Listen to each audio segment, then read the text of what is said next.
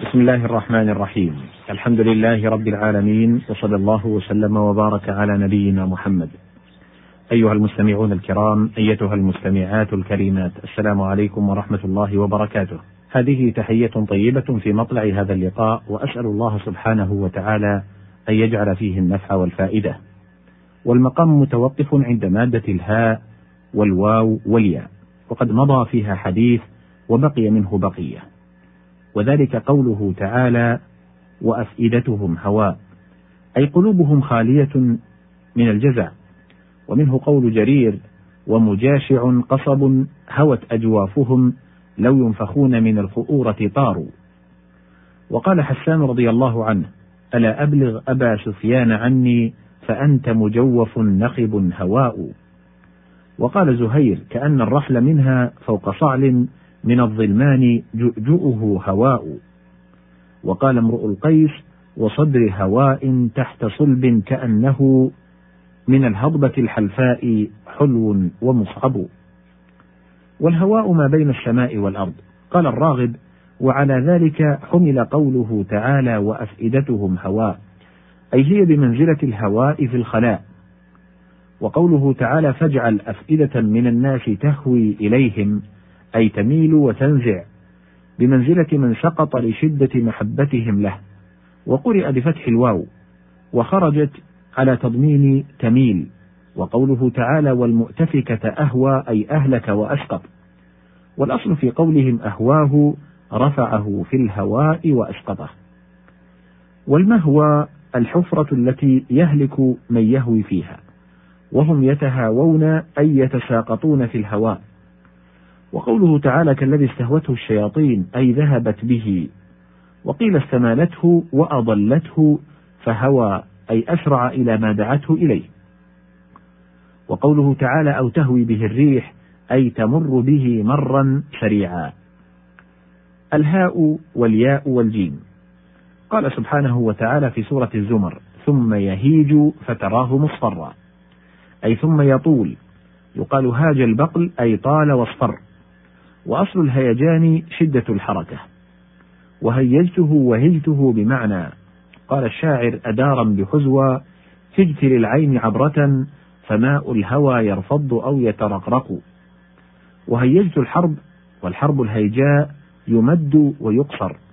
فمن المد قول الراجز لا أقعد الجبن عن الهيجاء ولو توالت زمر الأعداء.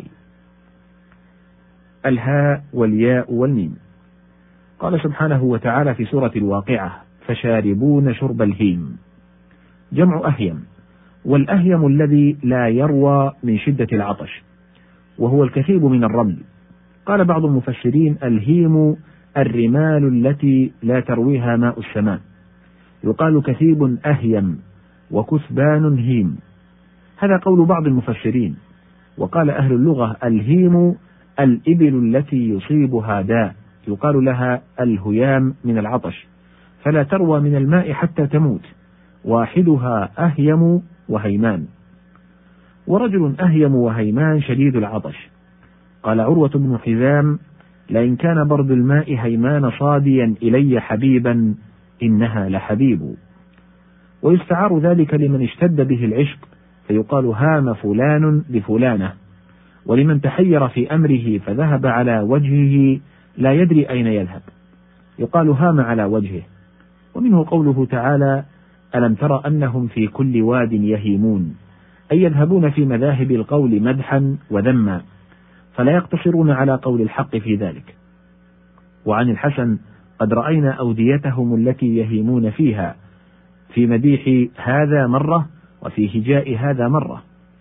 ويحكى أن الفرزدق حين أنشد هشام بن عبد الملك فبتنا بجانبي مصرعات وبت أفض أغلاق الختام. قال هشام قد أقررت على نفسك فنحدك. فقال يا أمير المؤمنين قد درأ الله الحد عني. فقال وأين درأ عنك الحد؟ فتلا قوله تعالى ألم تر أنهم في كل واد يهيمون وأنهم يقولون ما لا يفعلون. فضحك وتركه. الواو. الواو تكون عاطفة وتنفرد عن أخواتها العواطف بأحكام مذكورة في كتب النحو. وتكون للحال وعلامتها أن يصلح موضعها إذ. نحو جاء زيد والشمس طالعة. وتكون حرف جر في القسم. نحو والله لأقومن نيابة عن الباء. ولا تجر إلا الظاهر. ولا يظهر معها فعل القسم بخلاف أصلها. وتكون حرفا أيضا نيابة عن رب كقول امرئ القيس وليل كموج البحر أرخى سدو له علي بأنواع الهموم ليبتلي. وهل الجر بها أو برب؟ قولان. وتكون استئنافا قالوا كالواو التي يؤتى بها أول الكلام. وفيه نظر لجواز أن يكون المتكلم بذلك قدر معطوفا عليه. وإذا كانت عاطفة فلا تقتضي ترتيبا ولا معية عند الجمهور. هذه هي أصول الواو وما ورد ففرع عنها. الواو والهمزة والدال. قال سبحانه وتعالى في سورة التكوير وإذا الموءودة سئلت. الموءودة في الآية البنت التي يدفنونها إما دفعا للعار وإما خشية الفقر. كقوله تعالى ولا تقتلوا أولادكم خشية إملاق. قال بعضهم هو مأخوذ من الوأد. وهو الثقل لأنها إذا دفنت ثقلت بالتراب. وقيل في قوله تعالى ولا يؤوده حفظهما أنه مقلوب من هذا أي لا يثقله ذلك. الواو والهمزة واللام. قال سبحانه وتعالى في سورة الكهف لن يجدوا من دونه موئلا. الموئل قيل هو المرجع أي مرجعا. وقال الفراء الموئل المنجى. يقال وأل زيد من العدو أي نجا منه. يئل وألا ووؤولا.